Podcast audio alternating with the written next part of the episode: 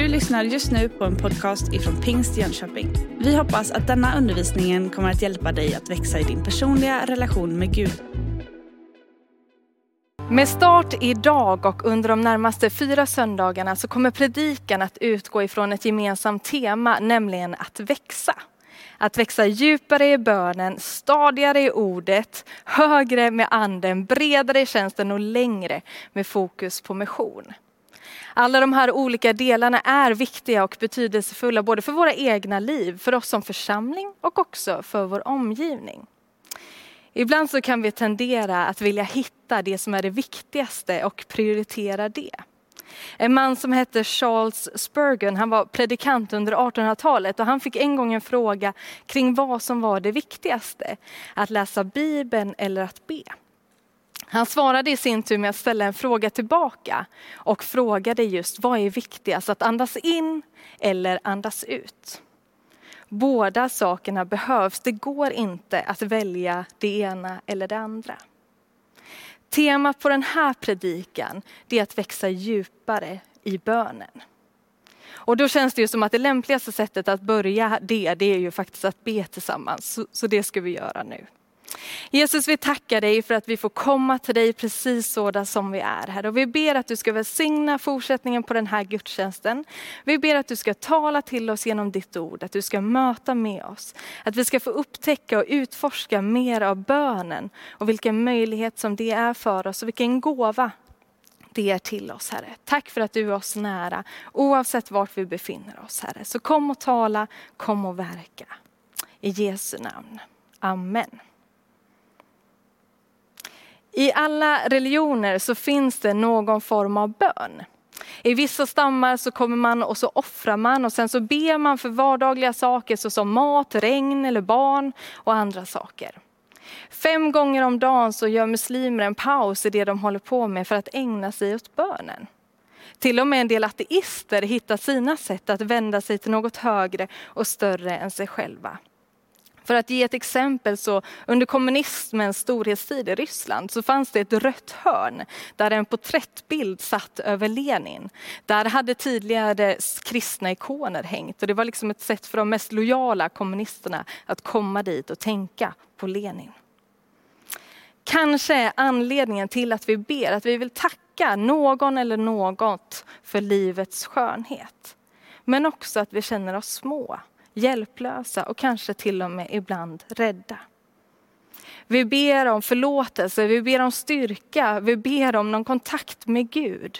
Vi ber om bekräftelse på att vi inte är själva. Miljontals i A-grupper utöver världen ber till Gud eller till en högre makt om hjälp med att kontrollera sitt beroende. Vi ber för att vi helt enkelt inte kan låta bli. På så sätt så är bönen något slags allmänmänskligt för att det talar till ett mänskligt grundläggande behov i oss.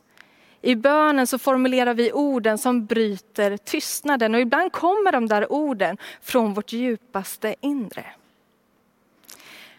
I mitt liv har bönen alltid funnits. Den har funnits i min familj, den har funnits i kyrkan som har varit en viktig del för mig och också jag själv började tidigt tala med Gud.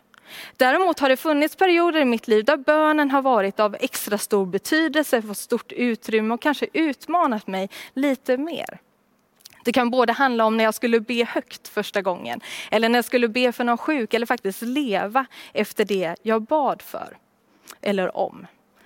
Dock har jag liksom aldrig identifierat mig som en bönekvinna som kan be i timmar jag utmanas av att liksom dröja kvar i bönen. Jag vill ganska snabbt skynda till nästa sak och allt jag måste få gjort. Att sitta i timmar och dröja kvar, det är en utmaning för mig. Jag har också vid vissa tillfällen i livet upplevt bönen mer som någon form av plikt eller börda och känt mig besviken när jag inte har bett tillräckligt länge också mött den där hos andra människor som tycker att bönen är viktig, kanske till och med livsviktig. Men samtidigt känner skuld över sina tillkortakommanden. Att bönen på något sätt blir otillfredsställande. Jag tror att det kan finnas olika anledningar till det. En anledning som kan liksom försvaga bönens betydelse i våra liv är medgång. Jag har rest en del och i många uländer så har jag noterat att man ägnar mycket tid åt att be.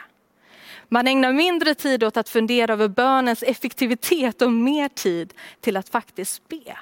I medgång och i framgång så tror jag att vi ibland riskerar att tappa bort bönens betydelse. Vi sätter vårt hopp till andra saker som liksom ska lösa våra problem än att vända oss till Gud.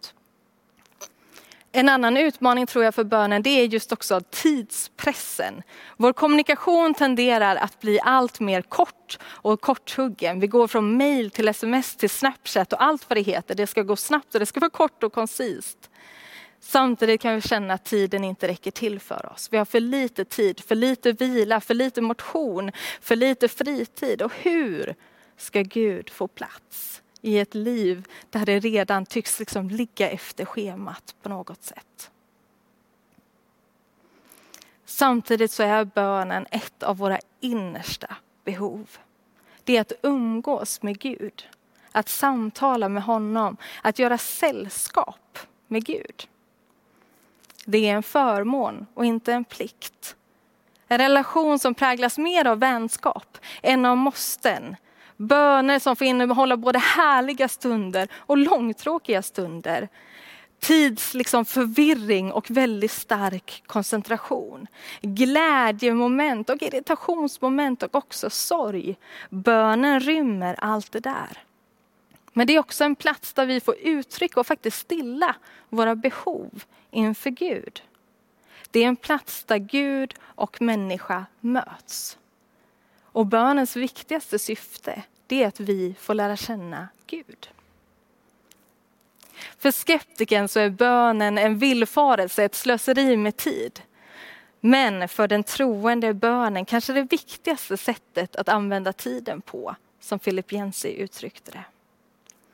För några dagar sedan så såg jag en film på Facebook med några landsvägscyklister, eller en landsvägscyklist som kämpar i uppförsbacke och så kommer det ett gäng andra och kör förbi och han får ta rygg på dem. Och det minskar liksom luftmotståndet och annat. Och så stod det en text där att ibland behöver du jobba smartare och inte hårdare.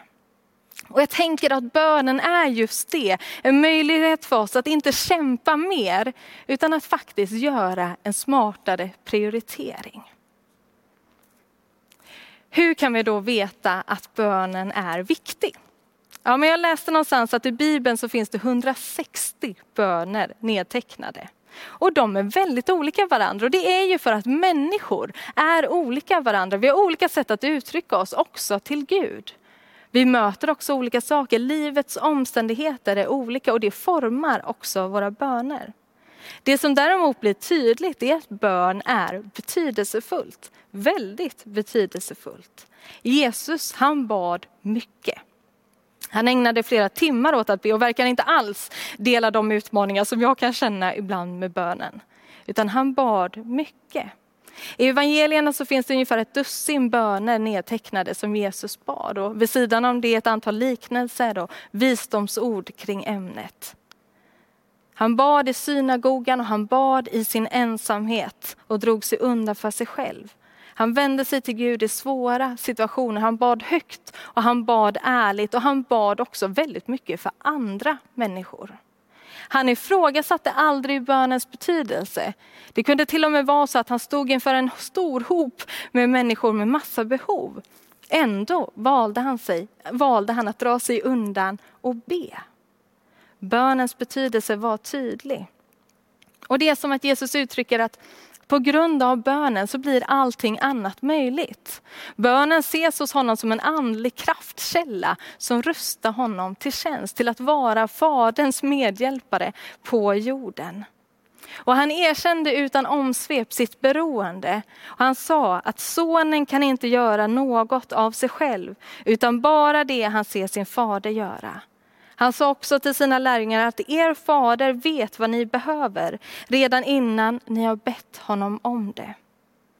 Han kan inte ha menat att det var onödigt att be för att Gud ändå redan vet allting.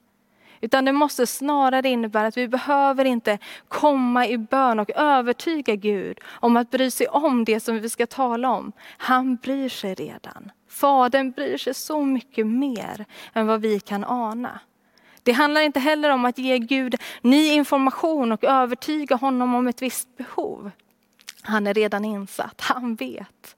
Det ger oss snarare en möjlighet att faktiskt tillsammans med Gud dela det som både han och vi själva bryr oss om. Bönen blir liksom en möjlighet för oss att ställa oss sida vid sida med Gud och betrakta människor och situationer tillsammans med honom. Och det får ske både utifrån tillbedjan, kärlek och också vänskap. Men Jesus slår också fast ett nytt mönster för att be. I gamla testamentet så finns det väldigt många vackra och storslagna böner, ofta framförda av en kung eller en profet. Och det var också ofta så som judarna såg på bönen, att de leddes av en annan människa. Men Jesus, han visar på ett annat sätt att be. Han visar på att man kan be om vardagliga saker, om Guds vilja, om mat, om förlåtelse, om synd och allt möjligt får rymmas i bönen.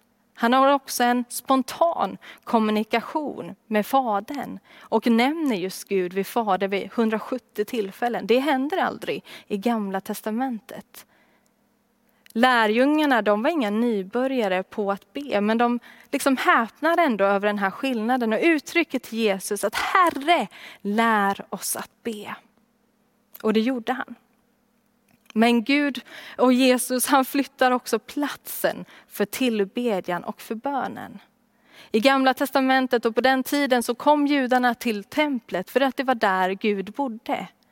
Men med Jesus och när han liksom bygger ihop brytningen mellan Gud och människor igen så skapar han en ny plats för Guds närvaron och för tillbedjan. Det står att Guds tempel är inom oss, att Gud bor i oss, att anden tar sin boning i oss. Och det var det avgörande skälet till att Jesus var tvungen att lämna jorden. Och han sa till sina lärjungar att det är för ert bästa som jag går bort. För om jag inte går bort kommer inte hjälparen till er. Men när jag går bort ska jag sända honom till er. Tänk vilket tillträde, vilken närhet som det skapar till Gud. Hur kan vi då växa djupare i bönen? Ja, men vi har redan konstaterat att vi ber på olika sätt för att vi är olika och omständigheterna vi möter är olika. Men jag tror att det är viktigt att vi får hitta vårt eget sätt att be på, som inte är någon annans utan som är vårt. Ibland så tror jag att bönen också mycket handlar om att faktiskt göra sig tillgänglig för Gud. Att skapa utrymme, att skapa den där tystnaden på något sätt som gör det möjligt att lyssna in från Gud. Det som, han kanske, som man kanske inte uppfattar i vimlet av allt annat. Att göra sig tillgänglig för att lära känna Gud och för att möta honom. Ett annat sätt, eller ett sätt att fördjupa sig i bönen tror jag också är att låta det innefatta alla delar av ens liv. Och vi ska stanna upp lite för en bibeltext i Jakobsbrevet 5, verserna 13 till 16, där det står så här. Får någon av er lida ska han be, är någon glad ska han sjunga lovsång.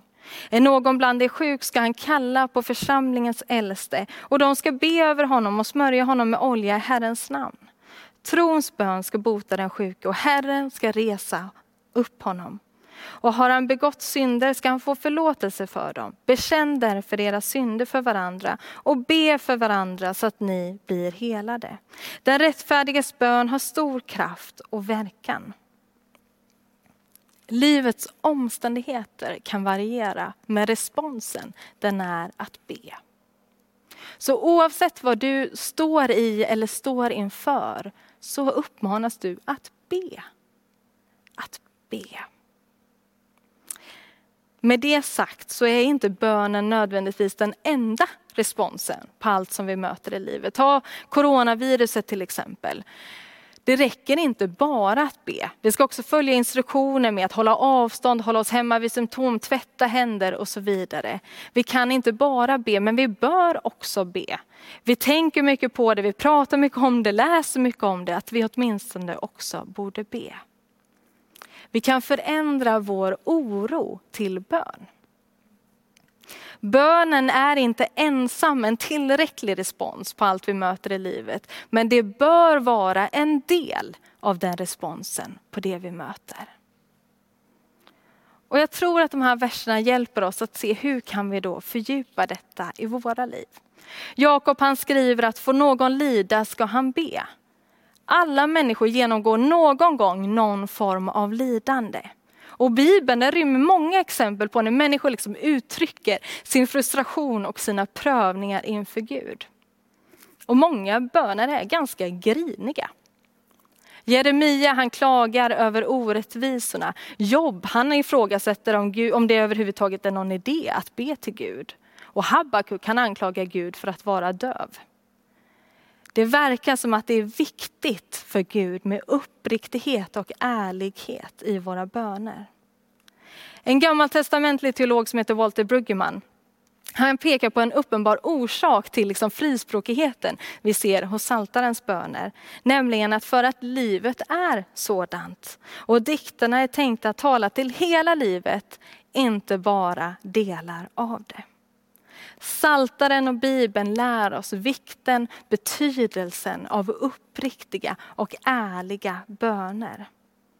Därför när du går igenom lidande så vänd dig till Gud och uttryck uppriktigt och ärligt vad du känner och hur du har det.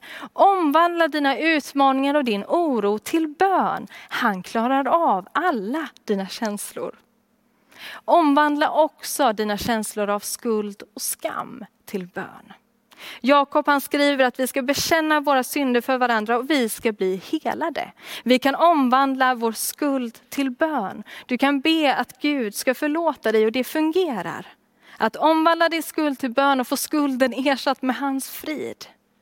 Men ett annat sätt du kan göra det är också att hitta någon som du litar på, någon du har förtroende för.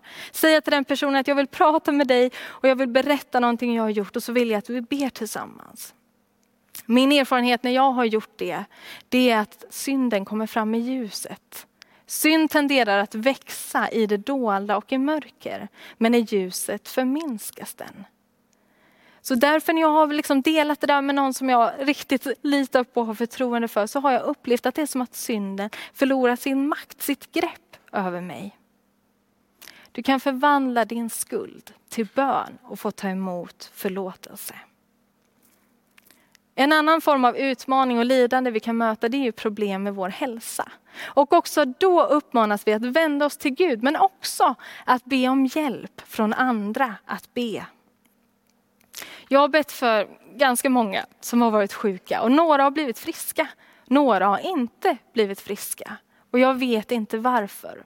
Men det jag vet det är att jag uppmanas att be. Att mitt ansvar det är att be för sjuka och det ska jag fortsätta att göra och be att Gud ska göra ett helande. I de här tiderna så kanske det inte är så lätt för oss att träffas som vi brukar och be tillsammans. Men vi får hitta andra sätt. Vi får ringa, vi får facetima och vi får be för varandra. Bön är kraftfullt och viktigt.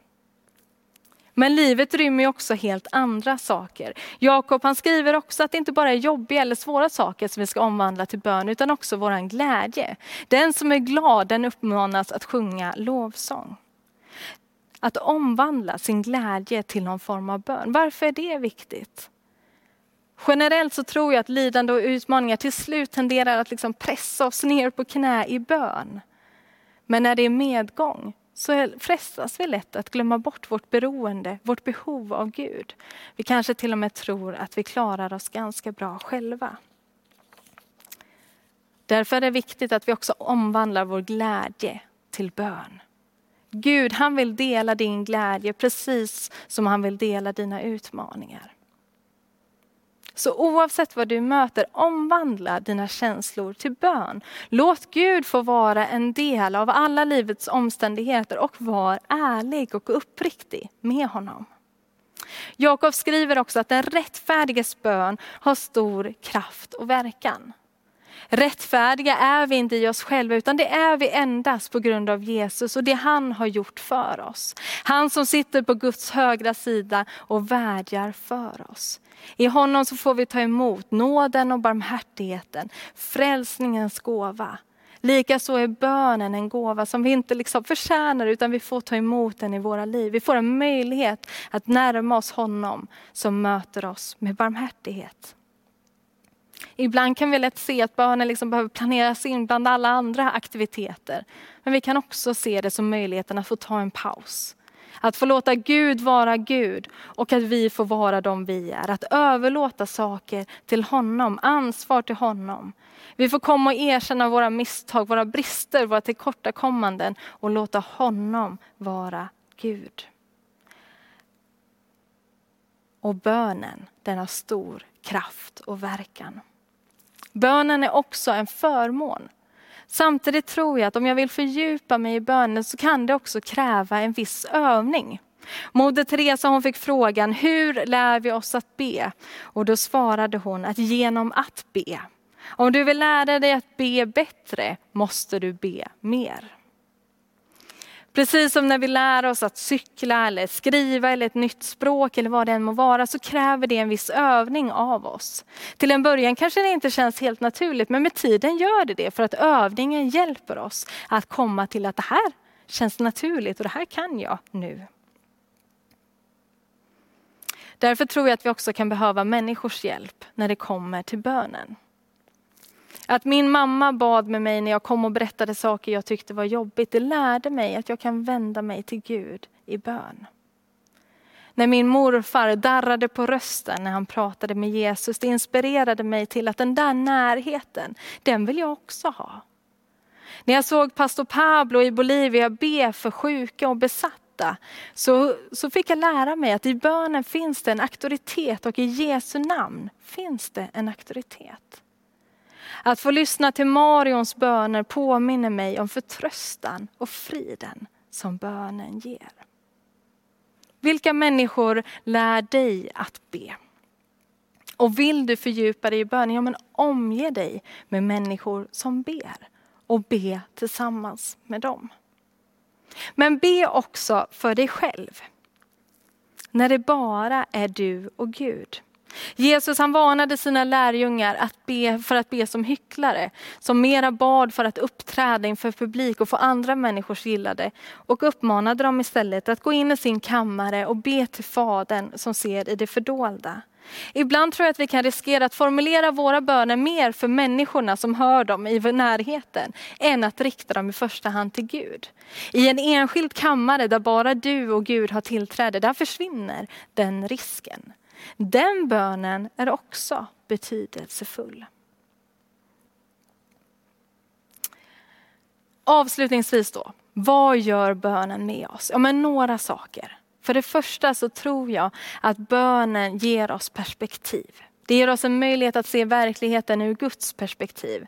Jag får se min litenhet och jag får se Guds storhet och se förhållandet emellan dem. Det påverkar i sin tur synen på mig själv och också på de omständigheterna som jag möter. Bönen korrigerar min närsynthet, ger mig det där perspektivet jag behöver och kanske en skymt av hur Gud ser på mig och på mina omständigheter. För det andra så rustar oss bönen till tjänst. Till att vara Guds medarbetare på jorden. Den där andliga kraftkällan är också tillgänglig för oss. För det tredje så tror jag att bönen förenar oss med andra och bygger broar. För några år sedan så hade jag en situation med en vän där vi inte riktigt kom överens. Sen kom han till mig ett tag senare och så sa han, Beatrice, jag vill att du ska veta att jag ber för dig. Och den man ber för, den kan man inte vara arg på länge. Och jag tror att det ligger någonting i det. Bönen förändrar både den som ber men också den som förbönen gäller. Och den har också en förmåga att förena oss. Vi kan tycka olika, vi kan vara olika, vi kan egentligen tycka illa om varandra ibland. Men att be tillsammans, det förenar oss på ett annat sätt. Bönen förändrar också oss och omständigheter. Den kan förändra min rädsla, min oro och min otålighet. Den kan istället ge mig medkänsla och uthållighet och kraft och hjälp. Bönen kan göra det omöjliga möjligt. Avslutningsvis så är ju bönen en möjlighet för oss att lära känna Gud. Därför skulle jag vilja inbjuda dig idag som kanske inte känner Gud som inte vet om du är ett Guds barn. Att du faktiskt kan få bli det idag. I Apostlagärningarna 17 så slår det fast att Gud är inte långt borta ifrån en enda av oss. Det betyder att han är nära dig, där du är. Och du kan få ett möte med honom, du kan få ta emot honom i ditt liv. Säg det till honom idag. Du kan också synliggöra det för dig själv genom att trycka på den här ikonen om att räcka upp din hand. Och på så sätt bara visa att nu tar jag ett beslut. Ta också kontakt med förebedjarna som finns tillgängliga för dig. De kan be en frälsningsbön med dig och hjälpa dig vidare. Jag vill också uppmuntra dig som verkligen vill fördjupa bönen i ditt liv, att ta kontakt med förebedjare. Be, Bibeln uppmuntrar oss att låta andra be för oss. Så låt inte den chansen gå förbi dig, utan be om hjälp också i bön. Missa inte heller att ta tillvara på bönen i ditt liv, att låta den innefatta alla delar av livet. Att låta din respons på det du möter vara bön. Att omvandla dina känslor i bön. Ta tillvara på möjligheten att lära känna Gud och be med andra som hjälper dig att be. Vi avslutar med att be tillsammans. Jesus, vi tackar dig för att du vet vad vi bär på. Du ser oss precis där vi befinner oss, för du är inte långt borta ifrån en enda av oss. Herre, du vet den som idag vill ta emot dig i sitt liv. Herre, kom och möt med den personen. Kom och berör. Kom och tala. Du som är barmhärtig, du som är god. Tack för att du kommer nära. Herre, jag ber för den som lider av olika slag, Herre. Ber för den som är glad. Be för den som kämpar på olika sätt. Herre, tack för att du vill ge oss tröst och vila. Tack för bönens möjlighet att få lämna saker i dina händer. Att få sätta vårt hopp och vår förtröstan till dig. Herre, låt bönen få förvandla oss och förvandla omständigheterna som vi ber för. I Jesu namn. Amen. Du har just lyssnat på en podcast ifrån Pingst Jönköping. För att få reda på mer om vilka vi är och vad som händer i vår kyrka så kan du gå in på pingstjonkoping.se eller följa oss på sociala medier via pingstikpg.